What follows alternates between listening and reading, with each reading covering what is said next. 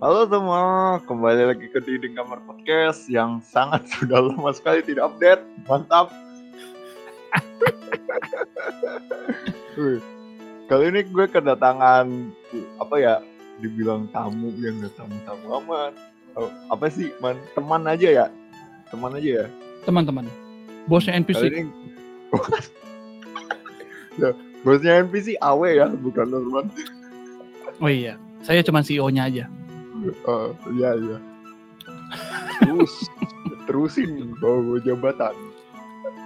terus. Oke, kali ini kali ini gue kedatangan eh, teman Norm, eh, Norman Karel ya. Dia seorang editor editor podcast, editor drama audio, terus apalagi sih lu kan CEO MPC. podcaster CEO NPC Eh, terus apa eh, host host podcast Dami host podcast EXP host podcast PPP semua bikin Ya nama. gitu lah ya. Ah, langsung aja sih. eh, kita kali ini mau membahas tema tentang bagaimana seniman dalam menghadapi kritik. Karena ini karena ini tema yang lagi hangat lah ya, lagi hangat, lagi Hmm. viral atau ya pokoknya lagi hangat lah. Gue pengen jadi jadi komposer sih. yang harus, wih, semua momen anget, wih, ayo sini ke podcast gua, mau gue bahas kayak gitu, wih, engagement, bentar bentar bentar. Bentar bentar Apa? bentar bentar. Tadi tadi, tadi judulnya apa? Seniman dalam menghadapi kritik. oh bukannya seniman itu anti kritik kayak dokter itu? Oh,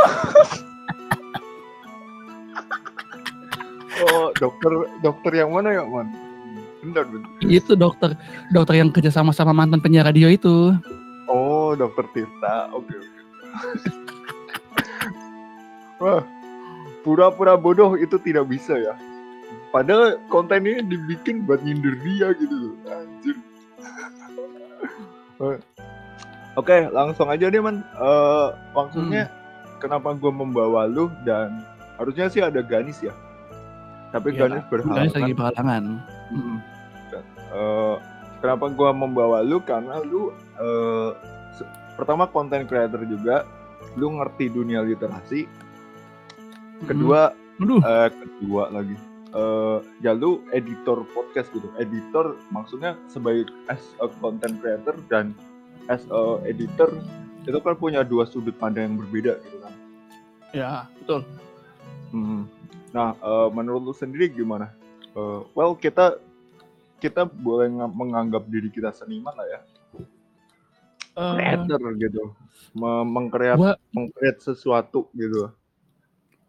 ya, gue pribadi sih nggak menganggap diri gue seniman ya, karena kalau seniman sudah pasti harus menjadi bangsa ya. Gak harus sih. Tai kucing. Iya dong, harus dong daripada daripada dihapus moral anda. Tapi ini, em,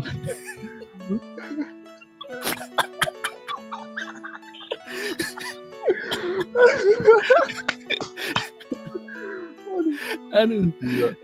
aduh, Kita emang butuh ganis, man. Emang butuh ganis yang biar jadi Iya. kalau kita berdua terlalu barbar gitu loh, anjing. Harusnya bahaya. Oke, lanjut. Lanjut, lanjut. Tapi gini menurut gua, em, antara seniman dan kritik kan nggak bisa dipisahin ya. Dalam artian Ah, ah. Eh, seniman pun hidup secara tanda kutip hidup dari kritik gitu loh. Kalau lu nggak ada kritik lu nggak berkembang dan lu stagnan di di situ-situ aja gitu kan. Hmm. Iya dong. Ya terlepas dari kritiknya membangun atau tidak ya kritik juga nggak harus membangun kan emang.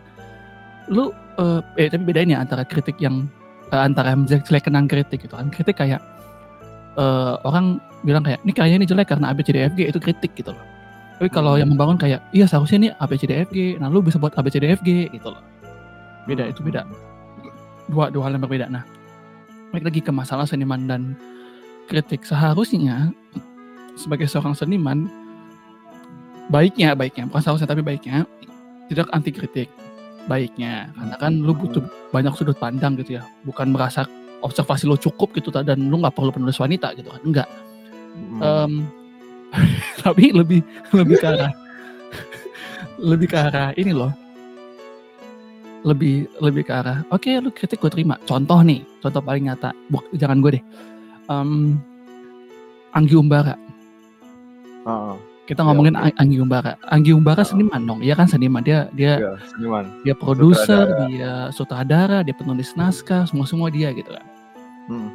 dan dari banyak karyanya Warkop DKI adalah salah dua yang terburuk eh wah, sorry. Eh Comic 8 adalah salah dua yang terburuk yang pernah dia pegang kan Iya, iya, iya.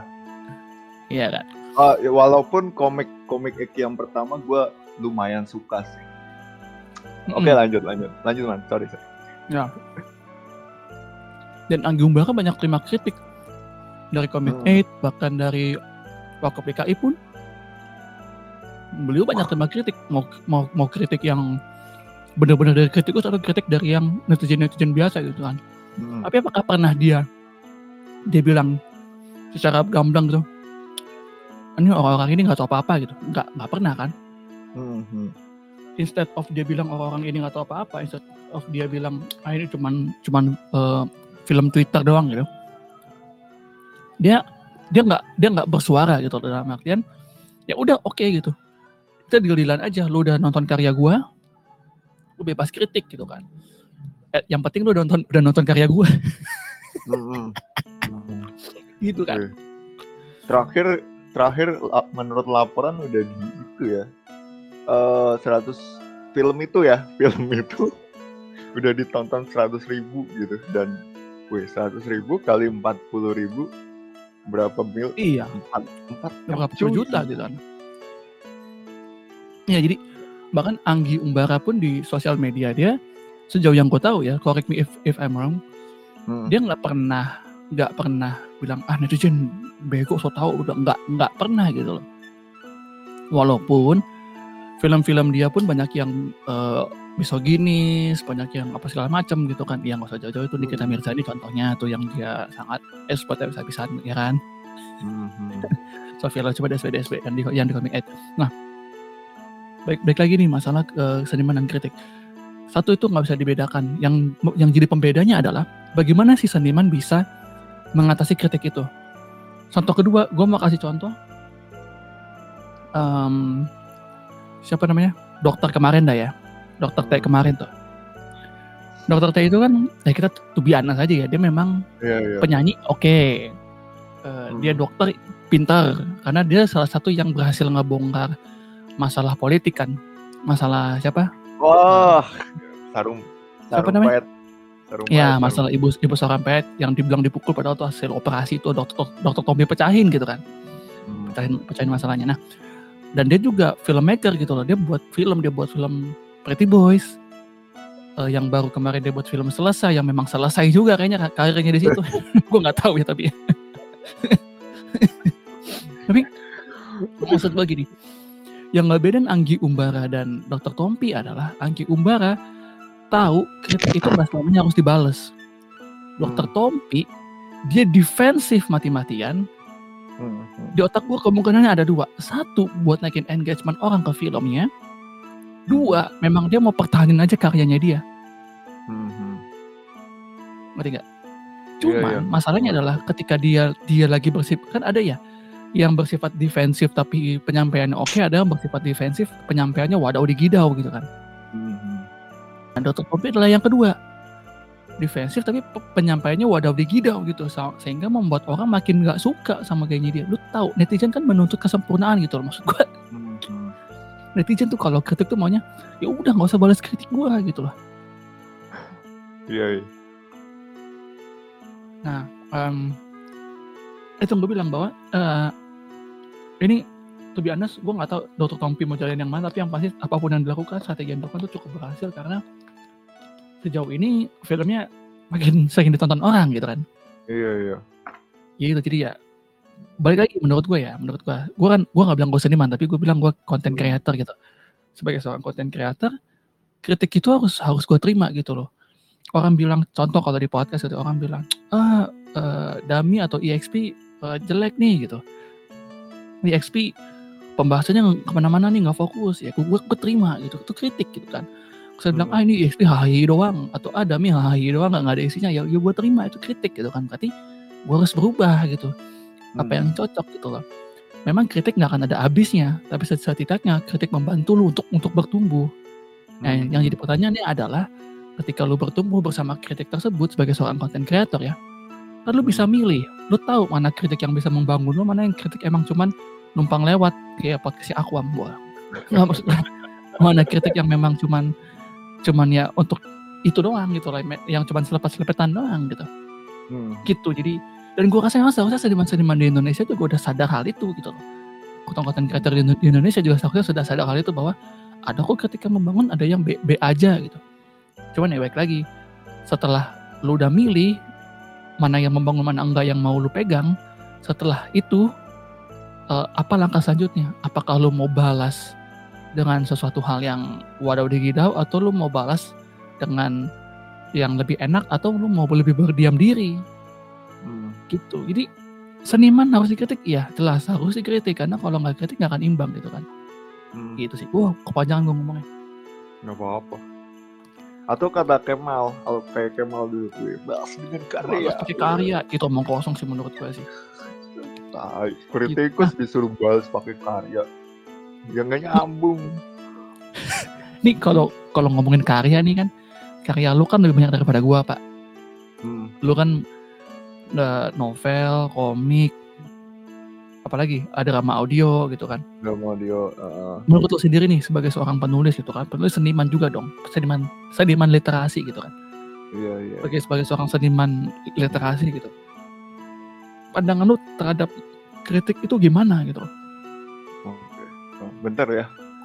Tiga dua satu, wih bridging. ya dong pengalaman nggak bohong Oke. eh, kalau kalau gue sih ya ini dari sudut pandang gue dulu ya tentang dokter T Hmm. itu. Kalau dari sudut pandang gue kat, yang kata lu eh, dia membela mati-matian karyanya dengan sangat defensif atau dia eh, lagi membangun engagement gitu untuk biar orang-orang pada nonton filmnya dia gitu. Ya. Sebenarnya untuk yang pertama kali yang pas di IG story-nya itu yang akhirnya yang nge-share itu dia eh tweetnya dihapus.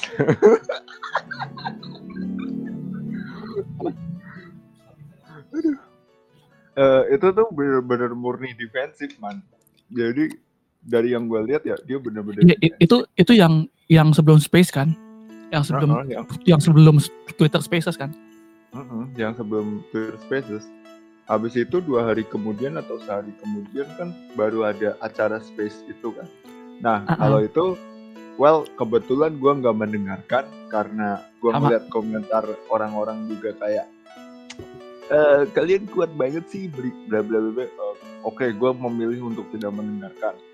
Tapi eh, menurut gua ketika udah di space atau ada acara apalah itu di Twitter itu menurut gue udah menaikkan engagement oh iya sangat benar sangat bukan bukan defensif lagi kalau yang pertama kali yang IG yang yang lagi live IG itu bener-bener dia de, mende- eh, defensif sama karyanya.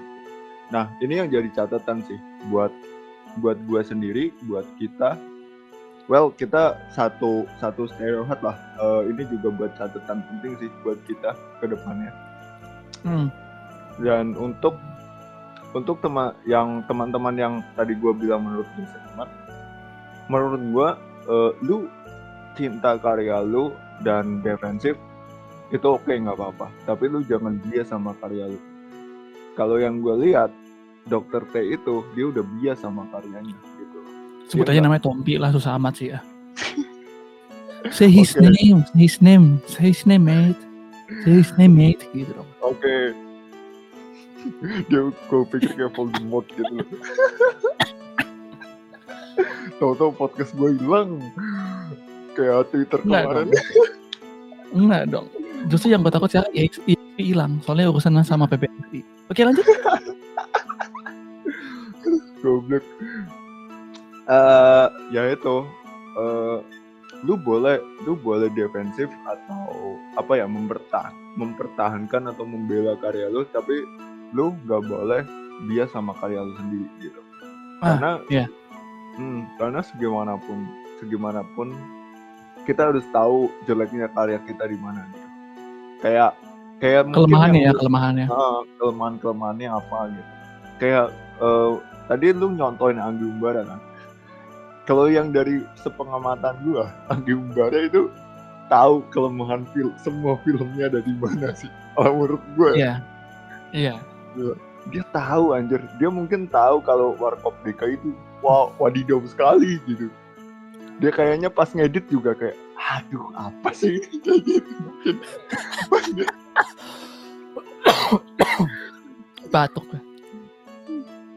atau pas lagi primer dia tutup muka atau nggak hadir bahkan mungkin di primernya gue nggak tahu gitu Eh, oke nah menurut Betul, betul. eh, menurut gue ketika orang-orang bisa berdamai sama karyanya ya itu lu pertama lu bakal maju Eh, kedua lu bakal ya well nggak minimal lu nggak nyo- eh, senyolot itulah. Lu nggak senyolot itu atau nggak merendahkan selera orang lain gitu. kayak ya kayak Ah, dokter iya. Tompi itu gitu itu kan kemarin iya. eh eh gue bikin gue bikin eh gue bikin ini buat orang-orang yang makan keju.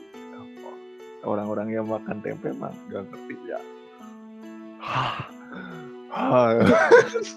Ini, ini ya ini ya. To, to be honest gue kesal. Gue kesal gini ya. Satu eh, ketika oke lah kalau kalau dia meng apa ya meng analogi. menganalogikannya pada keju dan tempe gitu loh. Lu tau gak sih orang yang makan tempe itu penasaran dengan keju gitu? Dan ketika dia makan terus dia rasa ini oke ini lumayan bisa gue makan tapi tiba-tiba chefnya atau atau atau atau pembuatnya bilang eh gue buat ini untuk orang suka makan keju bukan buat lu yang suka makan tempe kabur gak orang Heeh, heeh. Iya. dan setelah orang itu sakit hati dia pasti akan nyebarin dong lu jangan makan keju di sono sama Iya, sama iya. sama dia soalnya dimaki-maki lu orang akhirnya bukan fokus pada kejunya tapi fokus pada orangnya Mm-mm, mm-mm. ini yang yang jadi masalah makanya gue bilang eh, yang itu yang yang lo bilang bahwa emang nggak boleh bias dengan dengan karya lu sendiri gitu kita juga gue pribadi gue nggak pernah membangga banggakan eh oke Dami pernah gue banggain sih memang. Gue akuin. Snapchat juga pernah gue banggain gitu loh. Ini maksud gue gue nggak pernah bilang ini sempurna. Enggak. Gue nggak bilang dari Iya, itu bedanya. Gue nggak bilang EXP atau stereo hard sempurna. Gue nggak bilang semua audio yang gue buat itu sempurna. Enggak itu banyak banget celahnya dan gampang banget buat Mhm, dikritik. gitu tapi better mhm. dari, dari yang lain iya. Cuman gue gak pernah bilang itu sempurna gitu nggak dan dan Iya, dan orang yang dengerin karya-karya karya eh, hasil-hasil konten gue berhak untuk ngejudge man ini nggak bisa A, man ini nggak bisa B, man ini kurang, man ini Iya, iya. bisa ngejudge dan dan dan dan gue terima itu gitu loh. Bukan berarti ya kan gue buat ini buat mereka yang penyuka audio. Kalau lu yang yang suka video nggak usah lu dengerin, ya nggak gitu dong. Kan menarik gitu. orang nih ceritanya nih. Makanya bilang acceptance is the key gitu loh. Penerimaan itu adalah kunci gitu. Ketika lu udah menerima dan tadi lu bilang lu, udah berdamai dengan dengan bahwa oh, memang karya gua bukan karya milik Tuhan gitu ya yang sempurna perfect al dente gitu. Mhm. Ya lu akan nggak nggak nggak akan sedefensif ini gitu. Nggak Mhm. nggak akan se- seperti ini gitu loh. Balik lagi kalau dianalogiin tempe sama keju nih, begitu itu anak cicip keju, lu pasti bilang, eh, lu mau nambah lagi nggak? Gue masih banyak di belakang nih. Lu biasa makan apa? Oh tempe. Oh yaudah ini, coba sesekali makan ini nih keju nih. Ah, Kan bisa dibuat kayak gitu sebenarnya. Terus Kalau begitu orang kayak itu gitu bilang, kan enak ya.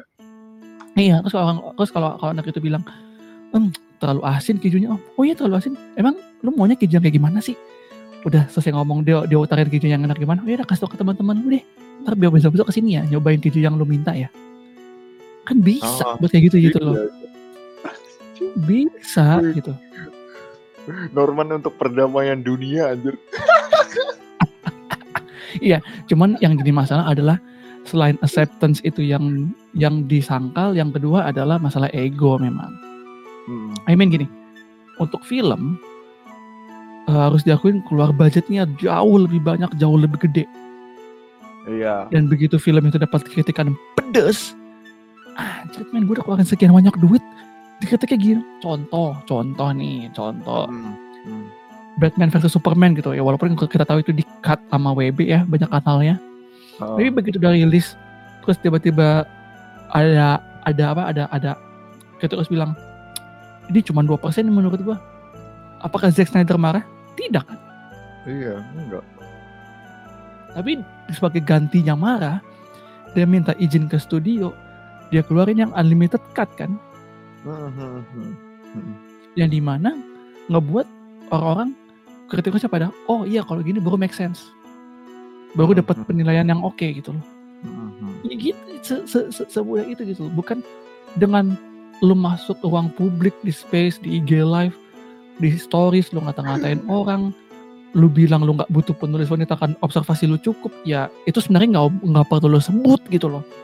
Padahal Iya. kemarin tuh bisa aja lu, gue gue juga nggak ikutan space-nya, tapi gue cuma dengar, gue download aja. Ntar tuh, eh motor-motor bekasnya kurang ajar anjir heran gue. ya maksudnya gue gua gua gua gua download itu gua gua download kan ada yang simpen gue download terus gue dengerin dan pas itu denger dia ngomong ya gue nggak butuh eh, penulis wanita karena observasi gue cukup iya memang anda dokter kecantikan gitu ya cuman kan tidak harus diumbar juga bahwa lu nggak butuh penulis wanita gitu loh kita nggak bilang oh iya memang untuk kali ini kita tidak menggunakan penulis wanita karena saya rasa oh, ob- observasi saya sudah cukup gitu loh. Atau juga observasinya bersama wanita-wanita gitu kan, bukan bukan bersama pria kan gitu. Bisa ngomong gitu sebenarnya. Hmm, hmm, hmm. Kayaknya Jadi- emang dasarnya Hmm. orangnya pengen tinggi aja Mas. Iya, kelihatan dari Boys kemarin kok. Aduh. Oh iya, Udah gitu penulisnya juga begitu gitu loh. Ya udah lah gua. ah gua gua dari dulu emang udah nggak suka dia sih. Entah Ya, kenapa ya. Entah Darto, Darto kalau di radio kalau urusan menghibur di radio di, di ranah podcast masih oke lah. Walaupun di podcast gue sebenarnya gue nggak suka karena aslinya dia keluar tuh. kenapa. Hmm, hmm, Kalau di radio dia masih oke lah, masih meng- menghibur gitu. Danang juga, Danang apalagi the best tuh emang. hmm. kalau di Prime Box dulu. Cuman yang jadi Mhm. masalah, yang jadi masalah adalah apa yang lo harapkan dari orang yang nge-tweet disederin, disodorin Gal Nah. Gadot telanjang juga lo terima, itu dia. disuruh nulis skrip film. Apa yang Itu lo dia. harapkan? Hmm. Iya, se- antara seksi dan seksis aja dia nggak bisa bedain gitu loh. apa yang lo harapkan dari bapak-bapak tiga anak dengan otak seperti itu gitu? Eh, sorry, bukan otak tapi dengan pola pikir seperti itu. Sama kayak lo nga- ngarepin yang enggak nggak akan terjadi. Woi, woi, Oh iya, so- ngomongnya jangan di podcast gua ya. oh iya. Apa yang lu harapin gitu yang ya lu kalau dengar kalau lu dengar podcast Mas pun lu pasti tahu nih eh, orang akan all out ketika dia nge-podcast gitu loh. Hmm. Eh, either dia lagi main eh, role play atau either dia role play gitu ya atau memang sifat aslinya dia gitu man begitu dia ngomong di podcast terus gue denger dia gini kok contoh sifat asli oh ini emang nih bapak-bapak cabul. Contoh kayak gitu, contoh. Atau oh emang nih bapak-bapak ini kurang ajar nih contoh. Hmm, bisa ngebedain gitu feelnya dapet gitu loh karena gue juga Iya, iya, podcaster gitu kan. Hmm. udah tiga tahun gitu ngebuat podcast kayak ah ya udah tahu gitu ngerti sifat orang gitu. Bukan bukan sifat maksudnya ngerti pembawaan orang ini kayak kayak, kayak gimana gitu dalam dunia nyata kalau ketemu. Gitu Hmm. gitu ya nah itu menurut lu gimana? Eh, lu- apalagi lu juga penulis kan maksudnya eh, penulis naskah juga lu kan sama-sama penulis, penulis naskah bedanya dia di karena eh, apa namanya film lu di ranah audio gitu. Hmm. Ya, well niat gue juga emang pengen ke itu ya ke film ya. Ayo dong, Bapak CEO, ayo tahun depan bikin film pendek kita. ya bikin bikin film pendek yuk dana dana dana mah bisa dicari Ah, dana bisa dicari. Awe ginjal sama. masih ada ginjal ginjal masih ada dua kan Ah, kalau catatan gue ini sih man. Eh, well, Darto tuh. Eh bener kan namanya Darto ya? bener Gua- Darto Gue agak agak itu sih agak kayak sering ketuker gitu dana sama Darto. Oke sorry. dana dana yang yang mudaan Ah, ah. Nah, si Darto ini kan bilangnya eh, kenapa dulu kenapa dulu dia bisa kepilih jadi penulis Pretty Boys karena dia dulu pernah bikin drama audio di kampus. Oke. Penulis drama audio. Oke. Eh, titik awalnya mungkin sama kayak kita lah ya, sama kayak gue mungkin. Tapi gini, menurut gue si Darto ini, Hmm. well selain otaknya cabul kayak yang lu bilang, itu kayak dia emang nggak tahu dasar nulis apa maksudnya dasar dasar untuk bercerita aja dia kayaknya nggak kayaknya nggak tahu deh. Maksudnya kayak yang pernah kayak yang kemarin gue tweet gitu. Eh, kalau misal Pretty Pre- apa Pretty Boys lagi apa namanya Eh, film selesai ini punya logika ceritanya sendiri ya udah Hmm. tekanin di situ gitu loh. Kenapa misal kenapa eh, si karakter Arik Tatum begini karakter Gading Martin begini karakter si Anya Geraldine begini terus kenapa eh, well kalau gradasi warna coloring kayak nggak masuk logika cerita sih itu bagian editing ya Ya, ya itu bagian si, Hmm. si editor itu. itu selera ya sama selera itu kan selera sutradara cuma Iya, maksudnya kayak kayak DC aja dengan tone gelapnya gitu kan. Ah, ah, ah. ya maksud gue gitu mak- eh, kenapa ceritanya begitu kalau misal kalau misal udah nggak ada per kalau misal udah muak banget sama netizen nih tinggal bilang aja Hmm. ya karena ini logika ceritanya begini gitu. nggak nggak usah kayak kemarin dia bilang apa sih kayak eh, kita nggak perlu penulis cewek bla bla bla bla. itu itu malah menurut gue kayak ngerusak kayak ngerusak eh, pasarnya dia mungkin atau kayak ngerusak eh bukan ngerusak sih kayak ngasih tahu kalau ya dia sebenarnya nggak bisa nulis atau dia sebenarnya nggak bisa bikin cerita gitu Iya. gue Iya, gue eh, jujur eh, belum eh, gue jujur belum nonton Pretty Boys sih Eh, Gue udah nonton, nonton? nonton. Ah, udah, udah, Pretty nonton. gimana menurut lu jalan ceritanya Pretty Boys so far yang yang yang gue tonton ya sebenarnya sih oke sebenarnya dalam Hmm. artian angkat sisi lain. Kan emang ini tadinya Vindes punya di basic mau punya keinginan kan? Mm-mm. keinginannya Vindes ini kan? Mereka mau ceritain gimana sih sebelum mereka sesukses ini perjalanan mereka tuh gimana perjuangan mereka gimana? Hmm. cuma ditumpahkan di situ gitu loh. Di- di- ditumpahkan dalam bentuk sebuah karya film gitu. Menurut gua sebenarnya sih be fair biasa aja gitu loh. Yang membuat itu jadi bagus bukan ceritanya karena ceritanya dari segi cerita tuh cerita klasik gitu loh from hero to zero terus balik lagi eh, jadi eh from zero to hero terus balik lagi jadi jadi zero terus lo berdamai dengan ya biasa kan kalau kalau ada dua orang yang bersahabat sahab- eh, lo marahan berdua atau yang Hmm. salah satu sahabat yang punya masalah dengan keluarga gitu kan I- Mm-mm. basic cerita inilah basic cerita eh, apa ya film Batman film komedi wah nggak gitu dong kawan. Hey. Itu ma- ma- masuk gitu. Basic dari sebuah cerita komedi film film komedi enggak ya tapi ya gitulah. Hmm, drama komedi lah. Berbalut- ya drama komedi ya gitulah gitu. Basic basic Hmm. banget secara, secara cerita. Hmm. yang buat itu jadi bagus adalah karena ada ada ada Vindes dan, dan ada o, si Onadio di situ. Hmm, hmm, itu yang buat itu jadi bagus gitu loh. Dan memang cara eh, Darto nyampein oh, si ceritanya Onadio jadi kar- karakter bencis bencis gitu ya Hmm. lalu ada Onadio di situ yang meranin dan Onat bisa ngelakuin seoke itu yang berarti memang se- mungkin se, se- kalau gue bilang ya secara skripsi untuk cerita nggak biasa aja gitu tapi yang buat spesial ya tiga orang itu Vincent Desta Hmm. dan si Onadio gitu selebihnya mah B aja gitu Hmm, hmm. gitu sih menurut gue karena karena gini loh kalau dia kan sampai dapat nominasi kan. Nominasi festival film Indonesia untuk skrip gitu. Dan ketika film keduanya untuk bikin skrip begini itu jadi pertanyaan sih. Ini bener hmm. ini yang ini yang kemarin eh, emang dasar bukan kemampuan lu.